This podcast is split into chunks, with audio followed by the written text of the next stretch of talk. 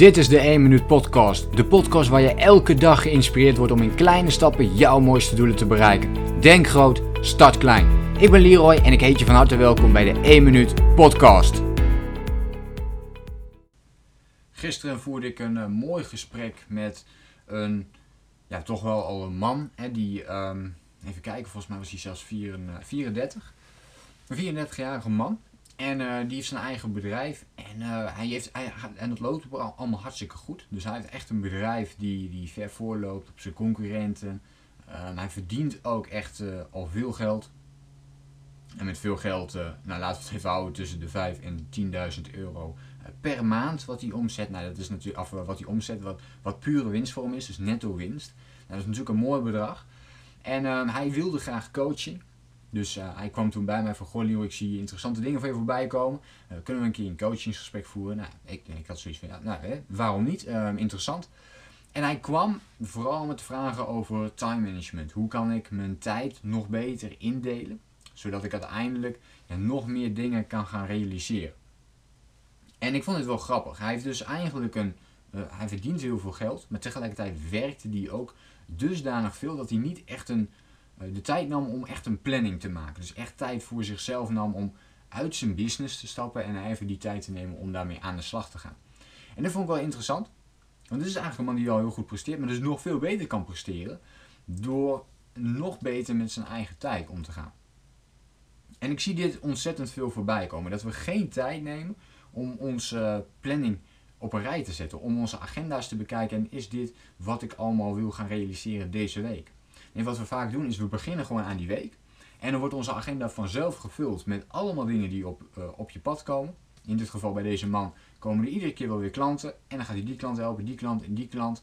Uh, zonder daarin echt heel goed voor zichzelf te zorgen. En tijd te plannen voor bijvoorbeeld zijn sporten.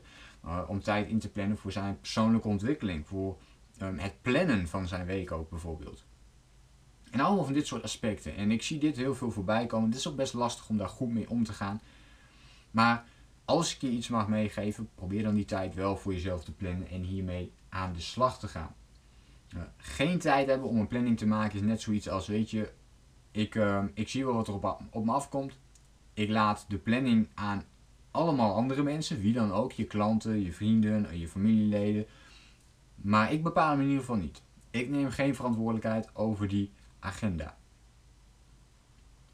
En dat is iets wat je juist wel wil doen. Dus ik raakte ook met, uh, met hem in gesprek en uh, hij besloot toen ook van ja, ik, moet hier echt wat mee gaan doen. Dus hij besloot om een paar uur per week vanaf dat moment uh, minder te gaan werken en die tijd te gaan steken in een wekelijkse planning voor hemzelf.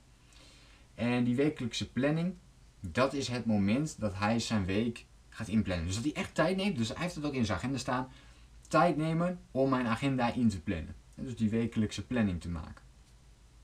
En dit is wel heel belangrijk om te gaan doen als je de volgende stappen wilt gaan zetten. Als je bijvoorbeeld, in zijn geval werkte hij heel veel, dus hij wil minder uren werken. Wat heb je daarvoor nodig? En om daar structureel ook acties op te ondernemen. Dat, daar kwam hij nu niet aan toe, omdat hij niet de tijd nam om na te denken van wat kan ik doen om minder te gaan werken. Natuurlijk heeft hij daar onbewust wel eens over nagedacht, maar nooit op papier gezet. Nooit de tijd genomen om 1 uur, 2 uur de tijd te nemen over die vraag na te denken, antwoorden op te schrijven, acties te bepalen en daar vervolgens mee aan de slag te gaan.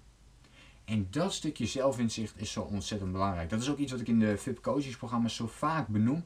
Um, ook in de maandelijkse webinars die ik dan geef. Je zit iedere keer weer terug naar, oké, wat heb je deze maand gerealiseerd? Wat ga je de komende maand realiseren? Het is constant het scherp houden van je doelen. Die stok achter de deur voor jezelf. Om in beweging te blijven komen. Dus in dit geval is die wekelijkse planning daar heel mooi voor. Maar hoe dan ook, er zijn geen excuses om daar geen tijd voor vrij te maken. Want als je die wekelijkse planning gaat doen, 1 à 2 uurtjes is vaak al voldoende voor de hele week. En je plant dat strak in, dan gaat dat je veel meer tijd opleveren dan die 1 of 2 uur die je eventjes afstand neemt. Maar even afstand nemen, uit de ratrace stappen, uit de waan van de dag stappen, dat is de grootste uitdaging. Hoe pak jij dat aan? Hoe zorg jij ervoor dat jij uit de waan van de dag stapt, af en toe eventjes dat moment voor jezelf pakt, Welke eh, methodes gebruik je daarvoor? Laat het me gerust even weten in een reactie. En dan hoop ik jou natuurlijk de volgende keer weer te zien. Heel veel succes met jouw acties. Denk groot, start klein.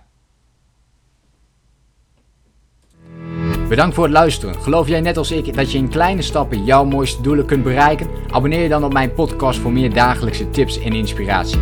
Laat me weten wat je van de podcast vond, deel de inspiratie en geef het door.